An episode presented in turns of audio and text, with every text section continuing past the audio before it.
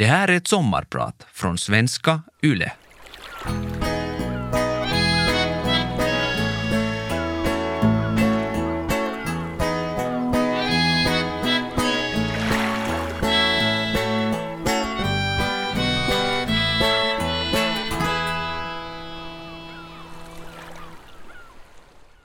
Det ösregnar och är ohyggligt halt på vägarna i den täta japanska skogen. Det är sju kilometer kvar av mitt livs hittills viktigaste rallyetapp. Vinner vi är vi världsmästare, min KTC Reetta Hämäläinen och jag. Regnet gör att vi bara ser några tiotals meter och det är som att köra i en dusch.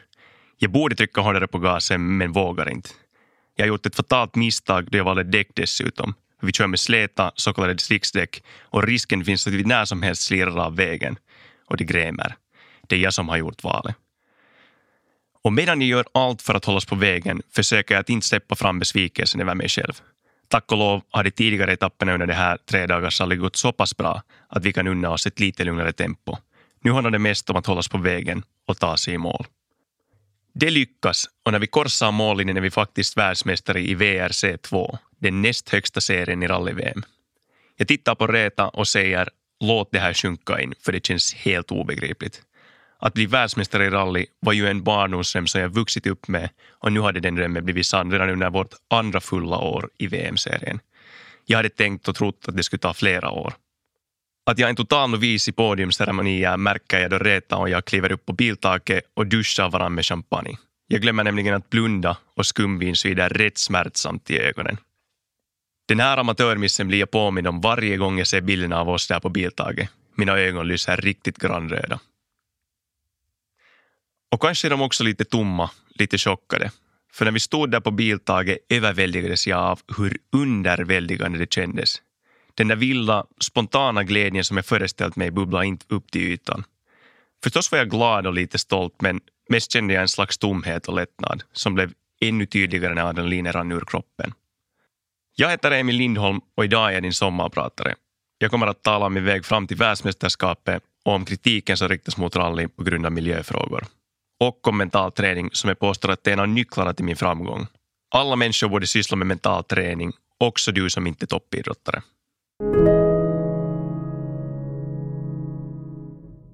Jag är född och uppvuxen i Finlands rallymecka, Ingo. Idag bor jag i Helsingfors där jag studerar ekonomi vid Hanken vid sidan av min karriär som rallyförare. Men Ingo är nog fortfarande min riktiga hemmatrakt och det var där mitt rallyintresse väcktes.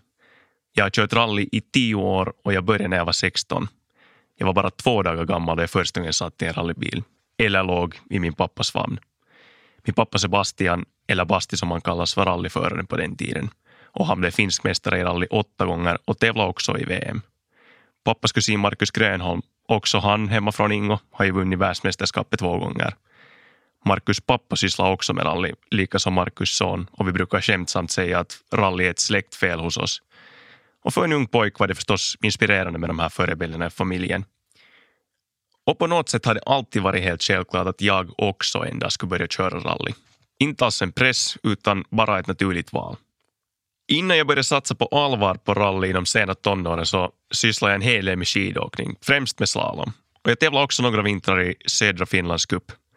Ett tag sysslade jag också med så kallad banracing och tävlade till och med på semiprofessionell nivå ute i Europa. Men ska man nå framgångar så måste man göra sina val och jag valde att satsa stenhårt på rally då jag var 19 år gammal. Och rallyn har nog tagit det mesta av min tid sedan dess. Ibland funderar jag på vad jag månne skulle syssla med om jag inte valt att gå in 100% för bilsporten. Hur mitt liv då skulle ha sett ut. Jag är övertygad om att det i så fall hade blivit någon annan sport. För ända sedan jag var barn har jag gillat att träna och idrotta. Löpa sommartid och skida vintertid. Trots att jag inte är så lastgammal så var det alltså möjligt att skida varje vinter i söderfinland i min barndom. Och det är det inte idag. Man kan inte undvika att märka hur snabb klimatförändringen är. Hade jag inte satsat på rallyn hade jag säkert varit klar med mina studier vid det här laget. Jag är 26 år gammal och börjar småningom komma in på slutrakan med mina magisterstudier.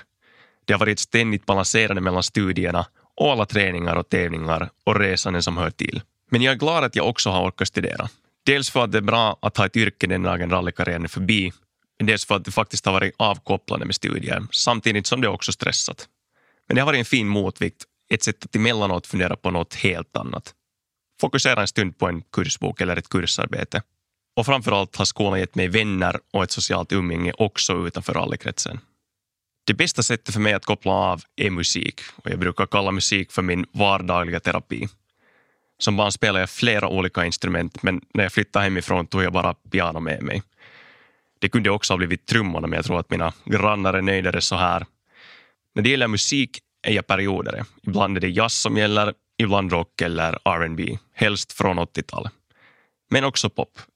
Eller så bara improviserar jag något om jag råkar komma in i ett flow-tillstånd. Lite sådär som bakom ratten på rallybilen. Också om det alltid varit självklart för mig att jag skulle syssla med rally så var det länge inte alls självklart att det skulle bli ett yrke eller ens att jag skulle börja tävla. Det var mera en gemensam hobby för far och son, någonting som vi sysslade med under helgerna utan några konkreta framtidsplaner eller målsättningar. När det sen ändå blev ett yrke för mig och tävlingar på toppnivå så har jag insett att den där första kravlösa tiden var helt central för mig. Att jag fick utvecklas i lugn och ro och tävla om och när jag ville utan någon press. Egentligen tyckte jag inte alls om att tävla när jag var yngre. Också som jag alltid haft en stark vilja att vinna och, och prestera bra. Men just den där viljan att vinna som alltså kommer inifrån så har alltid gjort att jag satt väldigt höga krav och en rejäl press på mig själv i en tävlingssituation. Jag kräver att det ska gå bra och därför är jag nog djupt inne i obekvämlighetszonen varje gång jag tävlar. Det här blev tydligt för mig redan som ung junior när jag tävlade i slalom. Nervositeten inför och under tävlingen tog bort en del av njutningen med att sporta. Men när jag sen började tävla i rally några år senare så kändes det annorlunda. Kanske hade jag blivit lite äldre och mogna. Eller kanske det var bara adrenalinet i rally som ger en sån kick. Slalom är också en fartfylld och adrenalinstinn sport men det är ingenting jämfört med den adrenalinrush som rusar genom kroppen under en snabb etapp. Den är helt omöjlig att överträffa. Ingenting annat jag upplevt går att jämföra med det och jag tror att det är den där adrenalinboosten som gör att tävlingsstressen släpper. Istället kommer jag in i ett flow-tillstånd där det undermedvetna styr.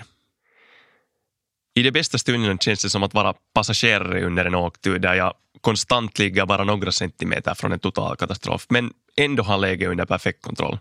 Just den där känslan av flow och kontroll är för mig helt unik och grymt njutbar och beroendeframkallande. Men rally handlar inte endast om adrenalin och spänning. Framförallt är det en lagsport som kräver mycket analytiskt tänkande, känsla för detaljer och sömlöst samarbete mellan både mig och kartläsaren Reta och hela vårt team. Jag brukar säga att den viktigaste delen av ett lopp sker redan innan vi sätter oss i rallybilen. Ett VM-lopp i rally börjar med räcke som är förkortning av franskans reconnaissance och under den biten bekantar vi oss med de olika snabbetapperna som oftast är 20-tal och sammanlagt 300 kilometer. Två gånger åker vi genom varje snabbetapp. På den första turen dikterar jag noterna som beskriver vägen och Reta skriver upp dem. Och på den andra turen läser Reta dem och gör eventuella korrigeringar. Notspråket är lite som vårt egna komprimerade språk. Vi beskriver formen på kurvorna, hur branta och hur långa de är och hur långa distanserna är mellan kurvorna, om det finns hopp, krön eller något annat som vi behöver veta om och tänka på.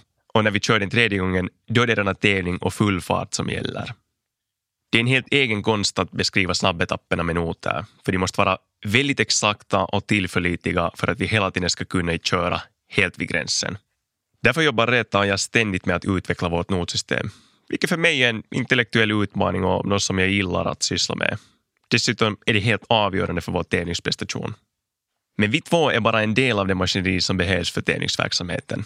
Vi har ett team på ett 20-tal personer som sköter logistiken och administrativa uppgifter, som utvecklar och förbereder bilarna före loppen och sen ser till att tekniken fungerar under den fyra dagar långa tävlingen. Under tävlingarna jobbar hela teamet från morgon till kväll och våra gemensamma resor och morgonen som vi spenderar på tävlingar har svetsat ihop oss alla till ett gäng nära kollegor. Vi har en bra laganda och det är viktigt för att alla i teamet ska vara motiverade att ge sitt allt under den ständiga tidspressen. Det är fint att ha ett team att dela sina framgångar med och sina motgångar. När det går bra multipliceras glädjen med så många människor som finns i teamet och glädjen och stoltheten blir inte mindre för att vi delar på den. Den blir bara större. Det blev så tydligt för mig när vi körde över mållinjen i Japan och blev världsmästare. Då det slog mig hur underväldigande det var att vinna ett världsmästerskap. Själv var jag trött och extremt utmattad efter en tung och krävande säsong och orkade inte känna så mycket mest bara tomhet. Men jag blev glad och rörd av att se alla killar och tjejer i teamet som var överlyckliga och stolta över vår gemensamma insats. Just de stunderna är de allra bästa med rally. En sak som ofta förvånar mig när det gäller idrott i Finland, men också utomlands, är att så få tränar den mentala konditionen. Det är självklart att fysiken ska vara i topptrim, men den mentala delen glömmer man lätt. Det verkar finnas en konstig uppfattning om att mental träning är ett tecken på svaghet. Någonting som är en sista utväg för en idrottare. Någonting man bara tar till om man har stora problem. Jag hävdar att den mentala träningen är en av de allra viktigaste delarna av min träning. Och i fem år har jag tränat mentalt. Lika fokuserat som jag tränar fysiken. Och jag är säker på att det är en av orsakerna till att vi blev världsmästare i fjol. Den mentala träningen hjälper mig och oss att hålla skarpa och fokuserade då det behövs. Och att slappna av och återhämta oss också. Reta och jag träffar vår mentala coach Jeanette Szymanski regelbundet. Precis som när man tränar fysiken håller vi träningsläger, coachningar och preppföretävlingar. tävlingar. Då vi jobbar med att säkerställa att vi båda har förutsättningarna att vara mentalt på topp. Rally är en psykiskt krävande gren och därför är det mentala väldigt viktigt. Under en tävlingsdag kör vi ofta ett tiotal snabbetapper och varje gång gäller det att slå på ett extremt fokus för att sen kunna slappna av för att hushålla med energin så att man orkar i fyra dagar. Det gäller också att lära sig att hantera sina känslor och tankar och vara medveten om vad som sker i ens inre. Hålla koll på den interna dialogen och tysta tvekande röster. Skapa ett harmoniskt tillstånd där det är lätt att prestera. Så att man inte underpresterar på grund av tvivel eller överpresterar. För då gör man lätt misstag. Där är rally en skoningslös gren. En enda liten miss i koncentrationen eller att pusha lite för mycket kan betyda att tävlingen är över.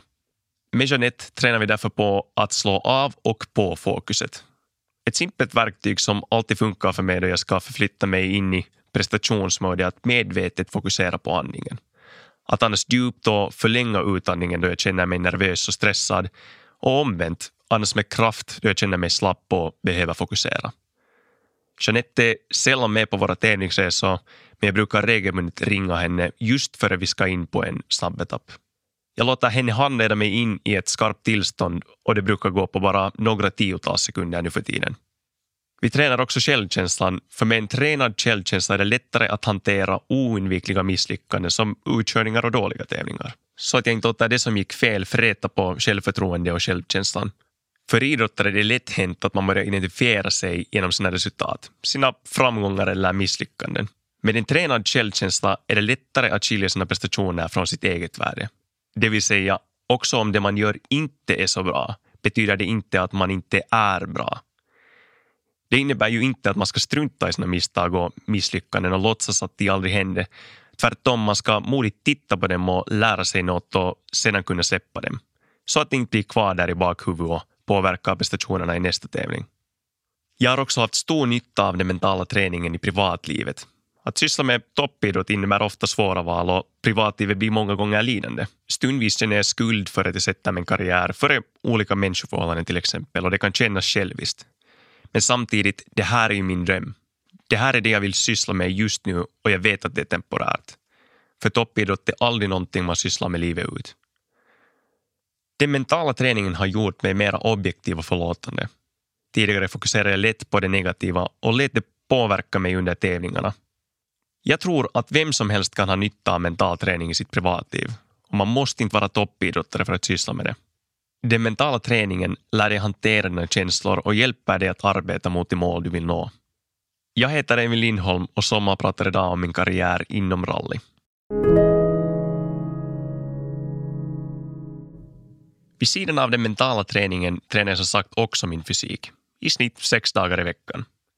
Ibland frågar folk mig varför jag tränar så mycket, för den som kör rally sitter ju bara stilla. VM-tävlingar är långa och en bra fysisk kondition är viktig för att hållas mentalt skarp. Speciellt i hettan vi blir utsatta för i varma tävlingar. Det är nämligen helt vanligt att temperaturen i bilen överstiger 60 grader, för vi har ingen luftkonditionering eftersom all extra utrustning ger extra vikt. Och vi svettas litervis med vätska under en dag. I Mexikos värsta värmebölja gör jag av med över 10 liter vätska på ett dygn. Därför tränar jag. Jag löper, cyklar och spelar tennis och skidor om vi råkar ha snö. Den aerobiska delen tar ungefär hälften av min träningstid och den andra halvan går ut på styrketräning men också snabbhet, koordination och reaktioner. Och förstås handlar det också om att köra. Att träna sig att bli en ännu bättre rallyförare rent tekniskt. Men jag kör mera sällan än vad folk tror. Ibland kan det gå en hel vecka utan att jag suttit i rallybilen och det är delvis en kostnadsfråga. Det är dyrt att köra. Dels handlar det också om logistik. Reta jag bor i Finland och resten av vårt team är från Tyskland. För tre år sedan fick vi ett intressant samarbete med biltillverkaren Skoda som just nu håller på att utveckla en ny tävlingsbil. Målet är att göra bilen så snabb och pålitlig som möjligt och det kräver förstås en hel del testkörande som vi har kunnat bidra med. Och som en bonus har jag fördubblat antalet timmar i en tävlingsbil varje månad. Man kunde säga att istället för att betala för att träningsköra så har jag fått betalt för att göra det. En lyx, också om det innebär att jag är ännu mera borta hemifrån. Bara tävlingarna och allt som hör till dem kräver att jag är på resa 200 dagar om året. Alltså mera än halva året. Och jag är lycklig som har min fina sambo Siri som förstår mig och som stöder mig till 100 procent i min satsning. Ofta kommer privatlivet ändå i kläm, inte minst studielivet. Under det så kallade gulisåret, alltså det första studieåret på universitetet som alltid är fyllt av en massa roliga fester för att folk ska bli bekanta, under mitt gulisår gick jag exakt på en fest och jag körde både till festen och hem igen. Det här var ju före pandemin då alla sen fick sitta hemma, vare sig de ville det eller inte. Jag gjorde valet själv. Och det säger kanske någonting om hur pressat mitt schema är. När jag inte är på resa eller tränar så har jag valt att studera eller bara vila och återhämta mig. Vid sidan av att träna mentalt, fysiskt och att köra så fyller jag en vanlig arbetsdag med att förbereda de kommande tävlingarna. Jag räknar med att förberedelserna inför en tävling tar cirka en till två veckor. Jag går bland annat igenom videomaterial, sånt som filmades inne i bilen senast jag körde samma tävling.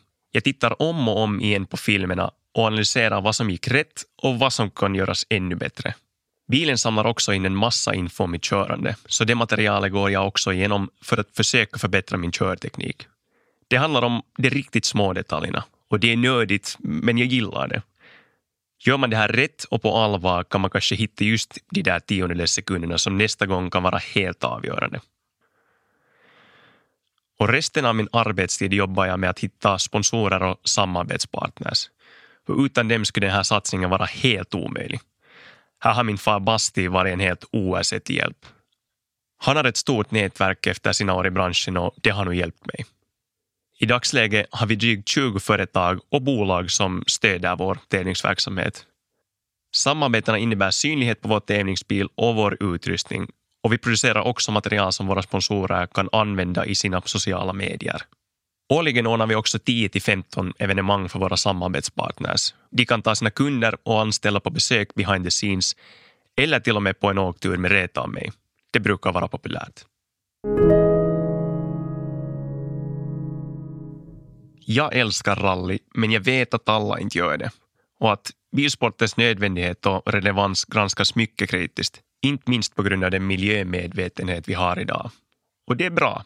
Vi borde alla fundera på hur vi kan vara med och rädda miljön. Det finns många olika sätt att göra det. För någon kan det innebära att sluta köra bil eller åka flyg. För någon annan att äta mindre kött. Eller kanske att börja värma upp sitt hus så miljömedvetet som möjligt. Visst drabbas jag av dåligt samvete över att min bransch så att säga bränner bränsle bara för vårt nöjes skull och för att vi på grund av alla tävlingar flyger så mycket runt jorden. Samtidigt tycker jag att rally har fått ta en oförtjänt stor smäll i de här frågorna jämfört med andra sporter med en likadan miljöpåverkan. Till exempel Formel 1 som verkar vara mer populärt än någonsin. Jag är helt övertygad om att rallyindustrin måste fokusera mera på miljöfrågor i framtiden om grenen ska överleva. Redan nu märker vi att det har blivit svårare att hitta sponsorer. De funderar både en och två gånger om de kan vara med och understödja en sån här bransch på grund av rallyns miljöpåverkan. Ett viktigt framsteg som tyvärr verkar ha gått ganska många förbi är att rally-VM-serien som första bilsport i fjol övergick till ett fossilfritt och syntetiskt bränsle, vars livscykelutsläpp av koldioxid är noll. Den här teknologin är helt ny och rallyvärlden är en pionjär i att använda det här e-bränslet. För mig är det en viktig sak och någonting som gör att jag kan motivera rallysportens existens, både nu och i framtiden. Vår bransch fungerar som ett laboratorium för olika tekniska lösningar som kan testas i liten skala och som i bästa fall i framtiden kan överföras till vardagliga sammanhang. Snart kanske du tankar bilen med samma bränsle.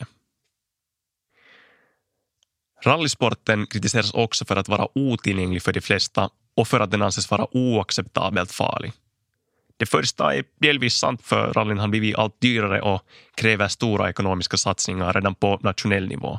Men å andra sidan har vår bransch skapat tusentals arbetsplatser för människor med kunnande i teknik och kommersiell verksamhet. Och därför påstår jag att eh, fastän det kanske är svårt att bli just förare eller kartläsare så är ett yrke inom rally mer tillgängligt nu än någonsin tidigare. Och förstås har utvecklingen också lett till att rally idag är en betydligt mindre farlig sport än förr.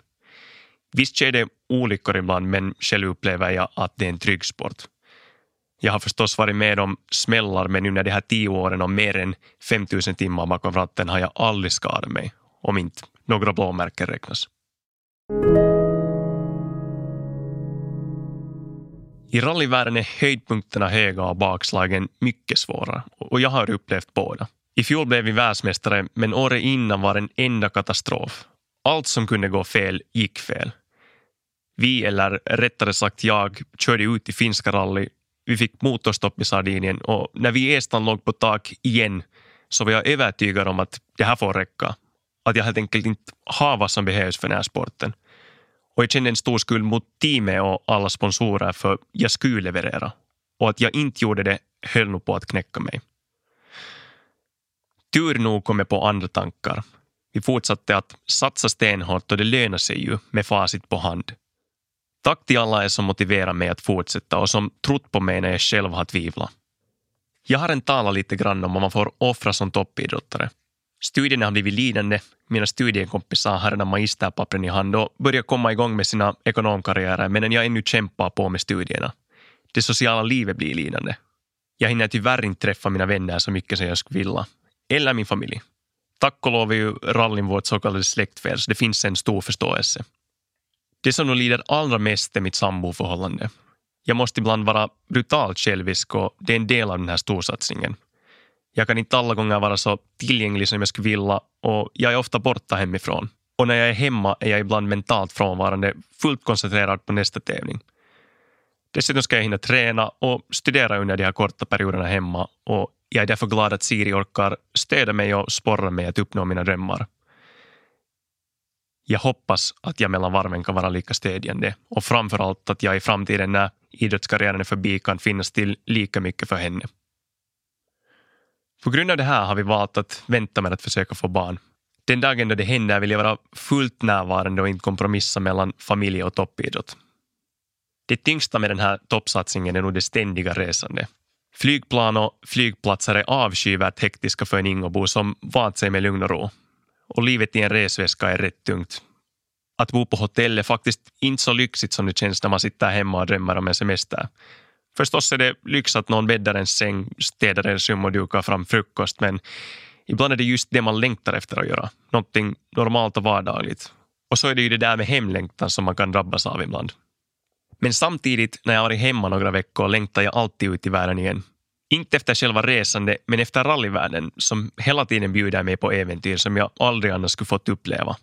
Efter många års tätt samarbete med kartläsaren Reta och resten av hela teamet har det blivit som min andra familj.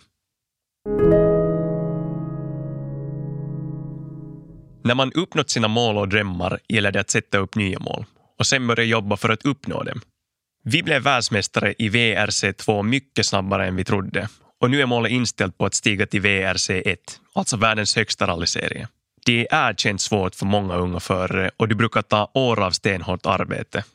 Tyvärr räckte inte vår vinst i VRC2 i fjol för att övertyga teamcheferna i stallen i den högsta serien. Och det var förstås en liten besvikelse. Men jag har valt att se vår vinst i den näst högsta serien i fjol som ett bevis på att vi har det som krävs. Så nu är målet inställt på att stiga och efter det drömmer vi förstås om att uppnå samma sak i den högsta serien, en VM-titel. Jag fyller 27 i år och i rallyvärlden betyder det att jag först nu börjar närma mig toppåren som förare. I bästa fall kommer jag att resa runt och tävla under de kommande 15 åren, men det är också helt möjligt att tävlingskarriären tar slut före det. Kanske på eget initiativ för att jag fått nog av allt resande och känner att det är dags att fokusera på familjen. Eller kanske för att det bara blir så. Inom sport hänger karriären i högsta grad på resultaten man levererar och därför kan allt ta slut när som helst. Jag vet i alla fall redan nu att jag inte vill jobba med rally till pensionsåldern. Många i min familj har valt att jobba kvar i branschen efter den egna tävlingskarriären men jag vet redan nu att jag efter min rallykarriär vill satsa fullt på min ekonomkarriär. Det att jag vet att jag har något helt annat att falla tillbaka på ger mig också en trygghet att satsa allt på Rally just nu. Går allt åt skogen har jag något annat intressant som väntar. Men nu är det nästa tävling som gäller. Och nästa. Och nästa. Jag vill fokusera på nuet och njuta av det jag gör och komma ihåg att uppskatta att jag har möjligheten att leva mitt i min dröm. Att jag varje dag får jobba med saker som utmanar och utvecklar mig. Jag hoppas att du också får känna den känslan i ditt liv, vad du än sysslar med. För jag tror att det ger en mening i livet. Tack för att du lyssnade. Jag heter Emil Lindholm och idag har jag varit din sommarpratare. Njut av sommaren. Du har lyssnat på Vegas sommarpratare med Emil Lindholm. Redaktör Thomas Lundin. Vegas sommarpratare görs av Parad Media för svenska YLE.